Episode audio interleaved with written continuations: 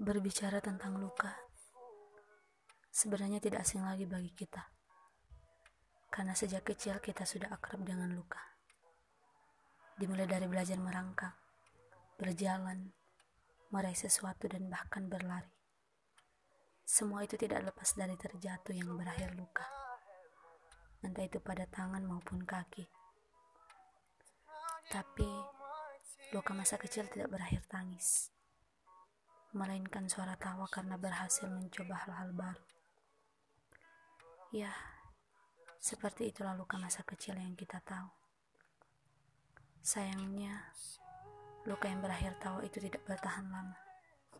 Karena sekali lagi, tidak ada yang selamanya. Setelah beranjak dewasa, kita dikejutkan dengan berbagai rasa luka luka yang 180 derajat berbeda dengan luka masa kecil yang sudah sangat akrab lama. Entahlah, ini terasa sangat asing. Lukanya pun tidak terletak pada tangan maupun kaki, namun pada bagian inti raga, yaitu hati. Hingga sakitnya pun menjalar ke seluruh tubuh, menyesakkan dada, meloloskan air mata yang kita pun tidak punya kendali untuk berhenti.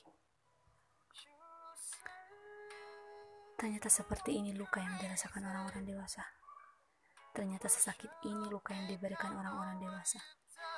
Kita mungkin sering bertanya, karena kita tidak pernah paham kenapa luka yang dihadirkan orang dewasa sebegitu menyakitkan.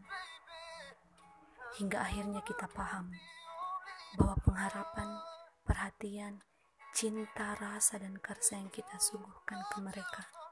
Tidak sebesar yang mereka rasa dan harapkan, hingga dikembalikan, hingga hanya dikembalikan dalam wujud luka. Untuk itu, nikmati lukamu, sembuhkan ia tanpa melibatkan orang lain, dan berhentilah dari semua hal yang melibatkan luka, sebab hatimu harus tetap utuh.